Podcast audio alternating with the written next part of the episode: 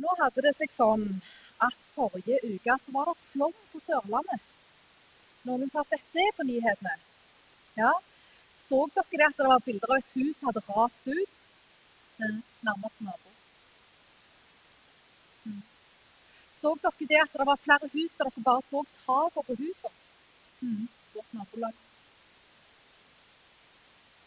Mange mista hus og livsgrunnlag i denne flommen som er den største som man noen gang er meldt om på Sørlandet. Og de kaller 500-årsflommen. Og det er litt sånn et skudd i natten, skal jeg si deg, for det var ingen som registrerte det da. Men de gjetter det. Og vi har aldri opplevd en flom eller katastrofe i den tida som vi har hatt hytta der. Vanligvis er det sånn at elva sjøl klarer å ta unna for regnet og de økte vannmengdene. Men det gikk ikke denne gangen. Toppdalselva steg med fire meter. Fire meter, det er ganske høyt. Det er Skal vi se Er Håkon her? Nei. To ganger Håkon. Rett og slett to Håkoner oppå hverandre. og vår hytte den ligger idyllisk til med Toppdalselva. Nevnte jeg at du steg med fire meter? Ja. Thomas og jeg var spent om vi kom til hytta. Og Vannet hadde trukket seg litt tilbake. Skal vi få opp et bilde her? Vannet hadde altså trukket seg litt tilbake. Her, her ser vi altså kanten på den nye terrassen. Og Det er materialen, restmaterialet sånn som vi hadde liggende til tørk. Og ved det har du altså fløte med vannet.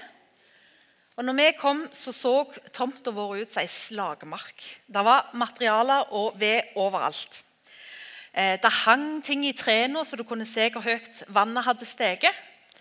På nyhetene så sa de at jordrottene kom opp av bakken og hang i trærne. Jeg er veldig glad jeg ikke kom da. Det er sånne ting som jeg takker Gud for, helt ærlig. Naboen hadde vada ut til brystet i elva for å redde i land båten vår som lå der. Fått den opp og tørka den, og så brukte de den til å komme seg fram og tilbake over elva med. Og det var greit, siden veien sto under vann. Og Vi har altså et anneks som ligger litt nær forbi eh, hytta. og Der hadde vannet steget opp én meter. Elektrisk anlegg var ødelagt, og alt det som en vanligvis lagrer i et anneks, sånn som elektrisk verktøy og litt sånn forskjellig, det var ødelagt. Men så var det hytta, da. Vi var så spente på hvordan det hadde gått med hytta. Så vi kom inn og så hadde vi med oss drill og fuktmålingsutstyr og skulle undersøke om at vannet hadde steget opp og ødelagt gulvet, eller isolasjonen. Og Vi bårte opp på strategiske steder og måtte liksom kjempe mot den lysten til bare å drille opp hele hytta for å sjekke. Mer sånn etter. Men der var det tørt. Så viste det seg da at dette vannet som hadde steget med fire meter, det stoppet 8 cm før det nådde isolasjonen under Høyta var. Og Det var vi takknemlige for. Og så Samtidig så hadde vi inderlig vondt av naboene våre som hadde mista hus og hjem. Vi har en ryddejobb foran oss. Men først skal takstmannen komme og få dokumentere skadene. Så skal vi bygge. Men jeg kan fortelle deg det at det er mye kjekkere å bygge noe nytt enn å gjenreise det som har blitt ødelagt. Og med det så har jeg elegant glidd over i Nehemja. Så dere det? Ja? ja? Det er da sånn at Vi begynner på en ny bok. Og Mange kjenner gjerne til Nehemja fra før, gjerne fra søndagsskolen og bygge Guds rike. og alt sammen. Og så er det litt stas å kunne begynne å lese ei bok sammen. Og Vi har lagd en bibelleseplan. Den ligger der borte. Hvis du ikke har begynt på den allerede, så er det ikke for seint. Du kan fortsatt hoppe inn. Kan bare bli med. For her kommer det altså en introduksjon til Nehemja. Jeg skal holde meg ganske tett til teksten, så du kan gjerne slå den opp i Bibelen din hvis du har den med. Og Hvis du ikke er så vant med å ferdes i Det gamle testamentet, så begynner Nehemja i min bibel på side 525. Og hvor han er på appen din, må du nesten bare ordne opp i sjøl. Litt forhistorie. I år 586 før Kristus så ble Jerusalem ødelagt. og jødene ble fordrevet i eksiltilværelse til Babylon. Og Nesten 50 år seinere begynner Gud å snakke med den daværende kongen i Persia, kong Kyros. En konge som ikke fulgte Gud, og som hadde valgt å tjene andre guder. Det sies om kong Kyros at han var flink i strategisk krigføring, og at han viste stor barmhjertighet. Kanskje var det de egenskapene Gud henvendte seg til da han begynte å så inn en tanke i kong Kyros om å la jødene få vende tilbake til Jerusalem. Og Hvis du har lyst til å lese mer om det, så kan du finne opp i en liten bok i Gamle testamentet som heter Esras bok, og gjerne lese den historien parallelt med at du leser i Nehemia. For det er en spennende historie. Og Den forteller noe om at Gud ikke bare bruker de som kjenner han og tilber han, men òg andre. Som, altså ledere og konger som ikke kjenner han, og som kanskje til og med tilber andre guder. Det er en påminnelse om at Gud regjerer og sitter på tronen. Fra evighet til evighet. Han er overordna alle politiske formål, strategiske koalisjoner eller fraksjoner. Og Det er viktig for oss òg nå i vår tid å bli minnet om. Det første jødene gjør når de vender tilbake til Jerusalem, det er å ta fatt på arbeidet med å bygge opp igjen tempelet. Det stedet der de skulle tilbe sin Gud. Og Idet Nehemjas bok begynner, så har altså tempelet stått ferdig i 70 år. Men murene som skulle ha beskytta tempelet, de lå nede. Det er alle apostlers dilemma. En ryker på med arbeidet med selotisk nidkjærhet, men glemmer å legge til rette for videre drift. Og Her lå tempelet lagelig til for hogg for alle fiendene som omga Jerusalem. Jødene hadde vendt tilbake til Jerusalem i to omganger. Først for nesten 80 år siden, og deretter for ti år siden. Og Sjøl befant Nehemia seg i Persia der han jobba som munnskjenk. Noen som jobber som munnskjenk? Nei? Nei? Hovmester, kanskje? For det var omtrent det han var. For en eh, konge, perserkongen Artaserkses. Og det var en høy stilling som innebar tillit og status. Det var faktisk sånn at Nehemja hadde i oppgave å, å se til at det som havna på kongens bord, det skulle være det beste av det beste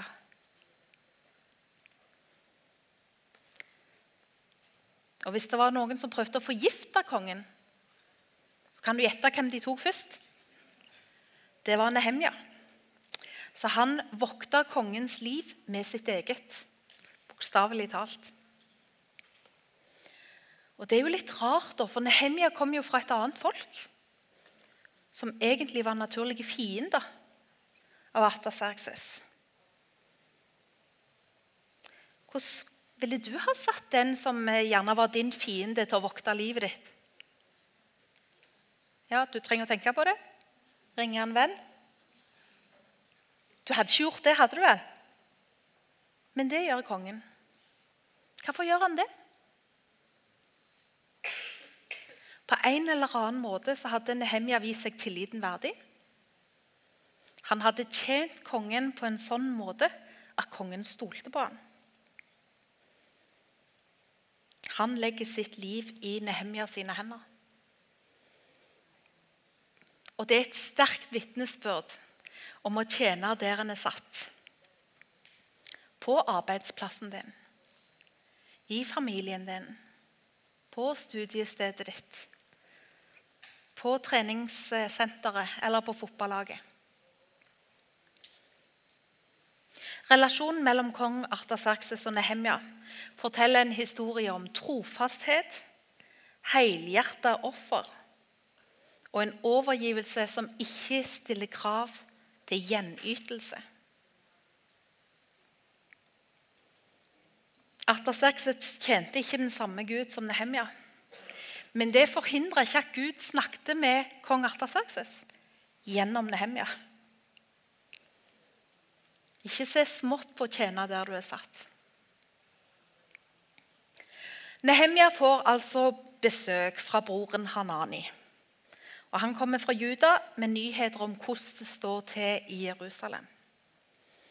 Og Han forteller at Jerusalem er omgitt av fiender, og at murene som skulle ha beskytta Jerusalem, ligger nede. Tempelet, Guds hus, står lagelig til for hogg. Nå skal vi lese litt sammen. Skal jeg flytte meg så jeg ikke står i veien? Fra første kapittelet, vers fire. Da jeg hørte dette, satte jeg meg ned og gråt. Jeg sørget i flere dager. Jeg fastet og ba til himmelens Gud. Jeg sa, Å Herre, himmelens Gud, du store og skremmende Gud, som holder pakten og viser kjærlighet mot alle som elsker deg og holder dine bud. La ditt øre lytte og øynene dine være åpne, så du hører din tjeners bønn, som jeg ber til deg nå, både dag og natt for israelittene, dine tjenere. Jeg bekjenner syndene som vi israelitter har gjort mot deg. Også jeg og mitt fars hus har syndet. Vi har handlet ille mot deg og ikke holdt budene, forskriftene og lovene som du ga din tjener Moses. Husk det du påla din tjener Moses. Hvis dere er troløse, vil jeg spre dere blant folkene. Men hvis dere vender om til meg og holder budene mine og lever etter dem.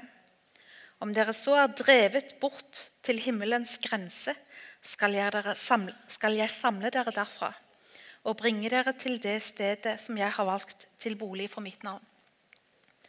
De er tjenerne dine og folket ditt, som du har fridd ut ved din store kraft og sterke hånd. Og Herre, la øret ditt lytte til bønnene fra tjeneren din og tjenerne dine de som gjerne vil frykte deg, de, som gjerne vil frykte ditt navn. La tjeneren din lykkes i dag. La ham finne barmhjertighet hos denne mannen. Jeg var kongens munnskjenk da dette hendte.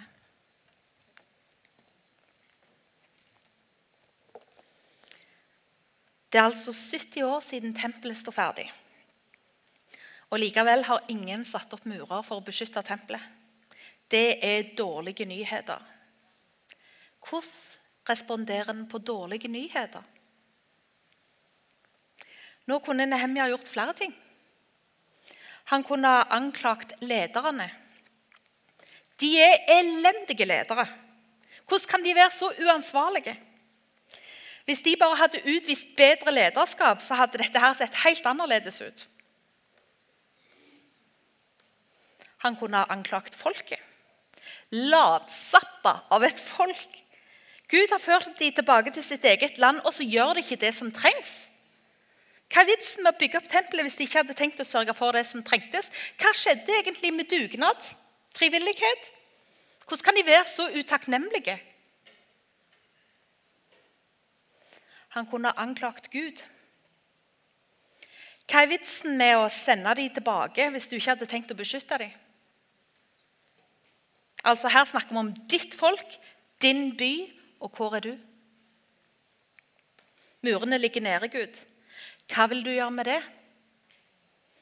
Vi har bygd opp tempelet. Det er bare rett og rimelig at du setter opp muren sånn over natta. Alle disse strategiene er bygd på avstand til situasjonen. Han kunne ha distansert seg, men han gjorde det ikke. Den profetiske Nehemia tar ett skritt fram og inn i situasjonen. Der han kunne ha tenkt det har ikke noe med meg å gjøre, så jeg toer mine hender. Der velger han å gå inn og bli en del av. Han stiller seg skulder til skulder med dette folket, og han sørger. Drevet av kjærlighet og barmhjertighet, så henvender han seg til Gud. I møte med andres feiltrinn, hva gjør vi? Tar vi et steg tilbake for å liksom bare betrakte elendigheten? Og kanskje takke Gud for at iallfall ikke vi har havna i samme uføre? tar vi et skritt nærmere for å blodglo litt og virkelig bare gni det inn.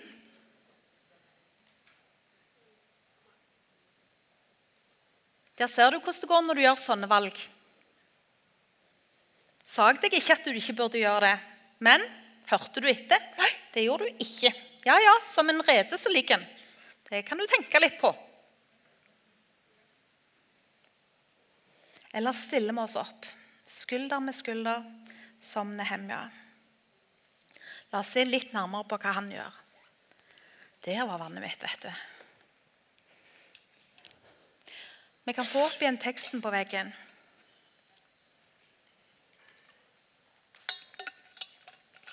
Vers 5.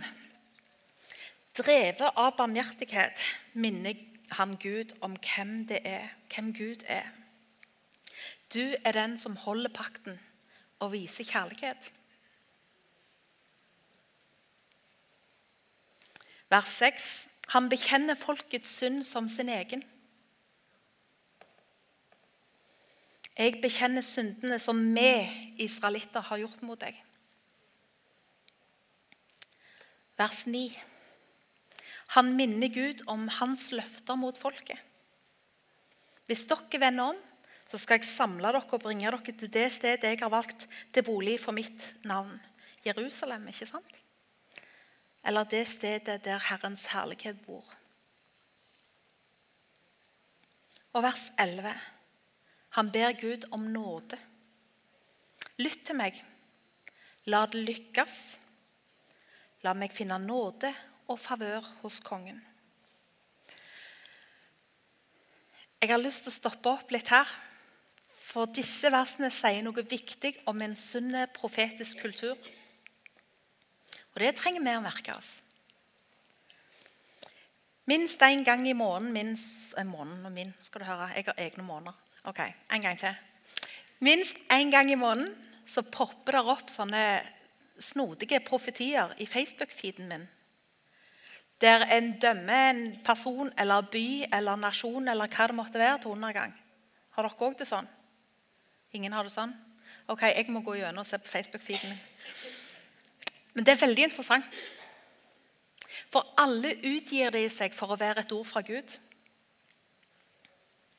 Men det er vanskelig å kjenne igjen Gud i disse dommedagsprofetiene, såkalte. Hvor er den Gud som er sein til vrede, som har lyst til å vise barmhjertighet, som elsker inn til døden and beyond? Hvor er han som sendte sin egen sønn, ikke for å dømme verden, men for at verden skulle bli frelst ved han? Og i møte med andres synd så kan vi gjøre tre ting.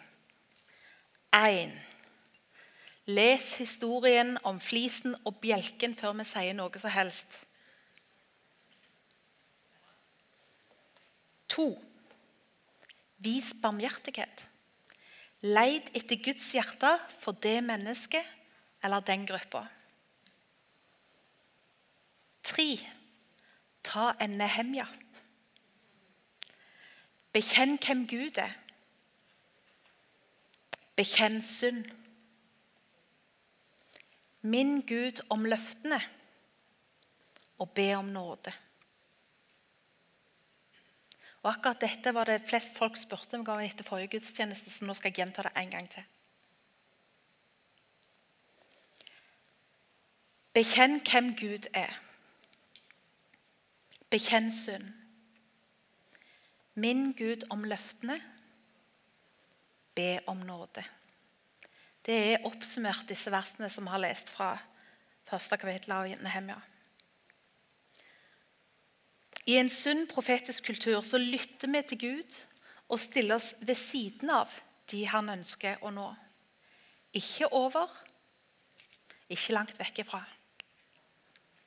men ved siden av. Nehemia, blir dypt bevega av det som han hører broren fortelle. Han kjenner Guds hjerte for sitt folk og for Jerusalem. For når du kjenner Guds ord og hans hjerte, så blir det òg lettere å gjenkjenne Guds vilje. Og Når Nehemja kommer inn for kongen, så bærer han preg av det han har hørt om Jerusalem. Og det er et farlig sjansespill. Det er ikke et utpreget lurt trekk å være sorgtung foran kongen. Og særlig ikke pga. et folk som strengt tatt var kongens fiender. Men fordi Nehemja har tjent trofast gjennom lange tider, og kongen kjenner han og har blitt glad i han, så velger kongen å lytte til det som er på Nehemjas hjerte. Og I møte med Nehemja og jødenes behov så viser kongen velvilje. Og han gir Nehemja mer enn det han ber om. Kong Artasakses gir Nehemja lov til å reise tilbake til Jerusalem for å bygge opp murene. Og han lar de av jødene som ønsker det, reise sammen med ham. Ikke nok med det, men kongen sender med enorme verdier. Utstyr, ressurser til å utføre oppdraget. Og kongen setter sitt eget rykte på spill ved å sende med Nehemja brev som gjør han fritt leide gjennom andre kongeriker, og òg myndighet til å hente med seg ekstra utstyr og ressurser underveis. Hva har skjedd? Nehemja ba i tråd med Guds vilje. Han kjente Skriftene. Han visste hva som var Guds tanker for Jerusalem. Og Når broren kommer med nyheter fra Jerusalem, så kjenner Nehemja igjen tidene. Han blir dypt grepet og går i forbønn for folket. Han påkaller Gud og ber han å handle inn i sin samtid. Og Gud hører Nehemjas bønn. Det var Gud som vendte kongens hjerte.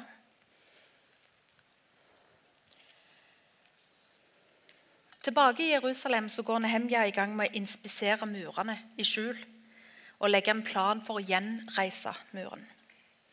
Og Så går han i gang med å lede byggeoppdraget. Nå skulle en jo tro at alle jubla. ikke sant? Etter 70 år så skulle endelig denne muren opp. Alle heia vel på det. Sånn var det ikke. Nehemja fikk snart møte de som noen har kalt for helvetes treenighet. Tobias, Sambalat og Geshem. De var innflytelsesrike menn i de eh, omliggende eller, ja, samfunnene. Og de var fast bestemt på å overbevise Nehemja om at dette her var tidenes dårligste idé. Og Vi skjønner av kapittel 2 at de hadde bakenforliggende motiver for dette. For det var mye lettere for de å kontrollere Jerusalem hvis murene lå nede. Men tenk et lite øyeblikk hvordan det hørtes, hvordan det opplevdes for bygningsfolka, som jobbet og jobbet og jobbet mens disse her sto og hånlo av dem. Forteller dem hvor tåpelige de var, hvor mislykka dette var som de holdt på med.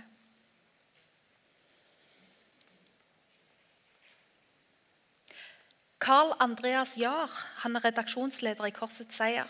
og Han skrev nylig en, en kronikk som ble publisert på nrk.no.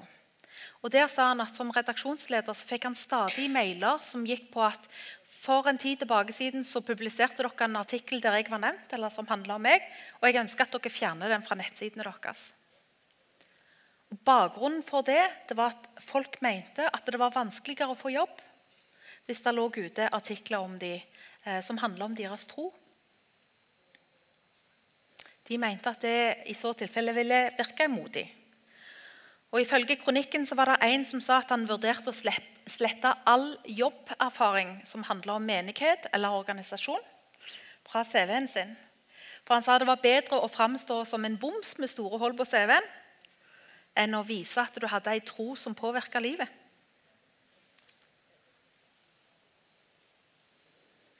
Er det sånn? Eller kan det være at de har fått feil fokus? Kan det være at de har, fått lytta, at de har lytta for lenge til helvetes treenighet? Den ene av sønnene mine har vært i arbeidspraksis i noen uker. Og En av de første dagene på jobben så fikk han spørsmål du, er du en kristen eller en superkristen. Og han sa 'definer superkristen'.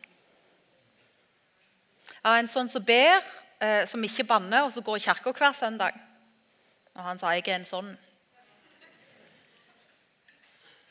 Og jeg lurer på hvordan mitt liv hadde sett ut hvis jeg hadde hatt den tryggheten. Både på troa mi og meg sjøl da jeg var på hans alder. Etter tre uker så var det på tide å ta farvel på praksisplassen. Og Det vanka mange gode ord og oppmuntringer. Og En av de tingene som ble sagt, var Du er en av de få som har hatt i praksis her hos oss, som ikke har stjålet fra oss. Det er et sterkt vitnesbyrd. Det er kanskje ikke så dumt å ansette folk med ei tro som leves. Og det er ikke sånn at alle de som ikke tror, lyver eller stjeler eller gjør dumme ting. Absolutt ikke. Men vi kan leve i tillit til at Han som har gitt oss sin Hellige Ånd, òg vil sette oss i stand til å leve det livet som Han kaller oss til. Amen. Mm. I møte med våre omgivelser så kan vi sette en standard som er i tråd med vår arv. Vi tjener ut ifra vår identitet som sønner og døtre av den levende Gud. Og våre omgivelser skal være velsigna pga. hvem vår far er.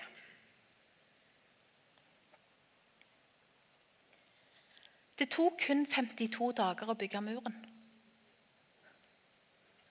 70 år siden tempelet var ferdig. Ha? Helt umulig oppgave å få bygd denne muren, og så tar det 52 dager. Hvorfor ble han ikke bygd før?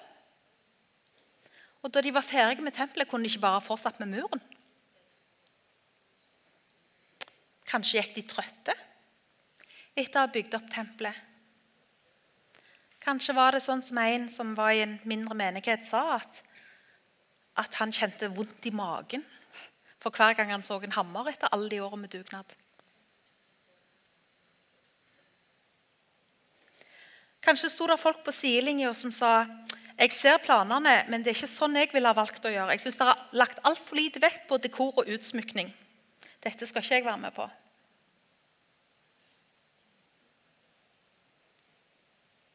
Kan det være at noen nekta å bli med fordi de mente at det var valgt feil framgangsmåte?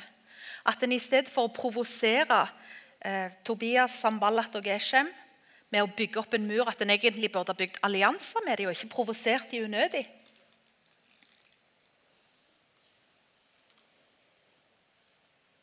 Mulig at noen syntes de hadde brukt nok penger på byggingen av tempelet. Skulle de nå bruke enda mer penger på muren? Det er andre ting jeg mener burde prioriteres. Jeg tenker jeg holder tilbake min givertjeneste til en begynner å få rett fokus.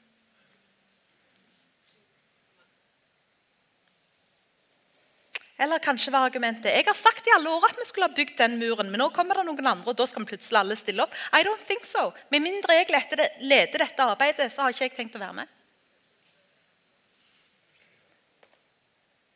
Eller kanskje følte de at de ikke hadde hele overblikket. At det var lettere å trekke seg unna enn å begynne på noe som de ikke helt kunne kontrollere. I høst var Thomas og jeg på en rundtur i Sør-Spania. Og Det hadde vi hatt lyst til kjempelenge. Og Vi besøkte flere steder, bl.a. festningverket Alhambra i Granada. Og de kunne det med murer, altså. Kan jeg bare si med en gang. Og I tillegg så reiste vi fra by til by, og vi besøkte flere katedraler. Og det slo oss flere ganger at de som begynte arbeidet, aldri fikk se det ferdigstilt. Hva var motivasjonen deres for å bygge? De kom aldri til å nyte godt av arbeidet sitt. De kom aldri til å se det ferdig. Og det går tydelig fram at de som tegnte bygget, og gjorde det ut ifra kjærlighet til Gud. Det ser du mange steder. Men hva med den som la stein på stein? Hva var motivasjonen deres?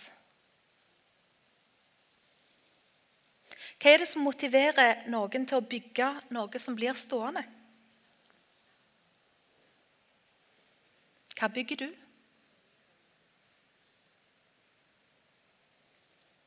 Hva bygger du som er større enn deg sjøl? Som ikke bare tjener deg og dine nærmeste, men som tjener et større fellesskap? Hva har du investert i dine omgivelser, i framtidige generasjoner? Hva står igjen etter deg? Og Nå kan det være at du tenker det var da voldsomt. Det skal jeg tenke på når jeg er 60. Og det kan du gjerne gjøre. Da òg. Men stopp opp et øyeblikk og se, ut, altså se for deg hvordan bygget ditt kan se ut over tid.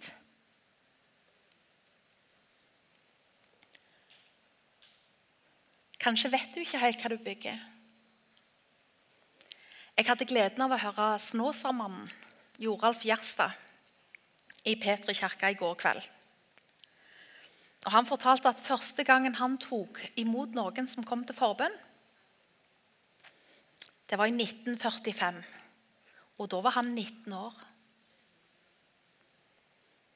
Han ante ikke rekkevidden av det han hadde begynt på. Og nå, i en alder av 91, så anslår han at han har tatt imot 50 000-60 000 mennesker som han har bedt for, og mange av de har blitt friske. Joralf sa, 'Jeg ba for dem, og så kom åndsmakta.' Hva åndsmakta er, det er Jesus Kristus, det. Han fortalte en historie om ei ung jente som var lam fra livet og ned. og Legene hadde sagt at de kunne ikke gjøre mer for henne. Søstera kom og ba Joralf, Joralf, om å be for henne. Og Etterpå så grein hun sårt, for hun hadde ikke merka noen forskjell. Og Så ringte det på døra, og da reiste hun seg opp og gikk ut og se for hvem det var.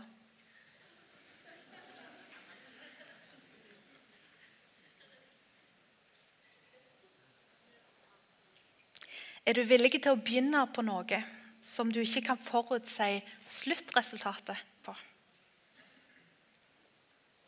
Er du villig til å gå på det som Gud minner deg om, selv om du ikke alltid forstår vitsen? Eller ser for deg resultatet? Du skal få med en liten hemmelighet på veien. Den beste måten å bygge noe varig er å gjøre det sammen med noen andre.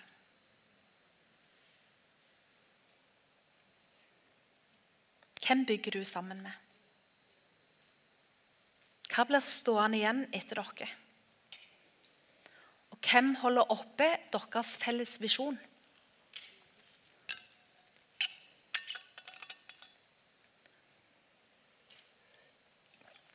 Dere så på plakaten her at Heidi Baker kommer til G18 om ei uke. Ei unge, blond jente som vokste opp i Sør-California i beste hippietid som var mest opptatt av surfing og dans. Så opplevde hun å få et kall fra Gud til Mosambik og har senere bodd der størstedelen av livet sitt. Hun har tatt den utdannelsen som hun trengte, gått sammen med de folka Gud ga henne, og holdt ut under alle slags forhold for å kunne bygge det som Gud kalte henne til. Hun er i ferd med å forandre en nasjon. En verdensdel. Hun har inspirert mennesker over hele verden til å stoppe opp for den ene. Hvor stor betydning kan ditt liv ha?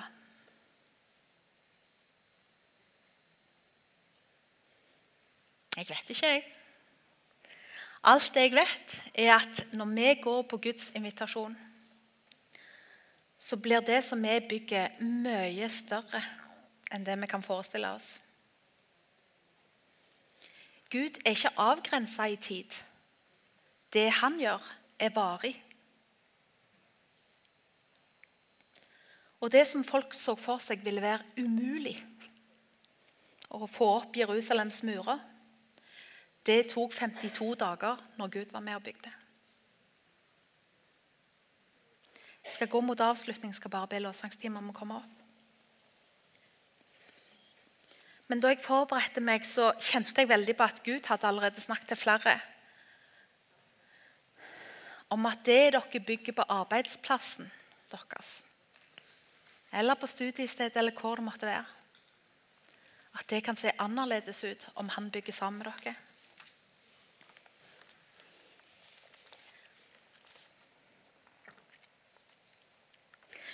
Hvis du er her som tenker at ja, men dette har jeg allerede kjent på en stund. Jeg har kjent på at Gud minner meg på at jo, jeg vil gjøre noe annerledes. Jeg vil gjøre noe annet gjennom deg. Så har jeg lyst til å utfordre deg til å reise deg opp. Og Dette er et trygt sted. Her er det familie. Og vi har lyst til å være med og oppmuntre deg og investere i det som Gud vil gjøre gjennom deg. Så hvis du kjenner på dette at jo, jeg vet det at Gud kaller meg til å bety en forskjell på arbeidsplassen min, på studiestedet mitt, på dansegruppa mi eller hvor det jeg er, så vil jeg be deg om å reise deg nå, sånn at vi kan be for deg. Mm. Bare bli stående. Bare kom. Det er tid.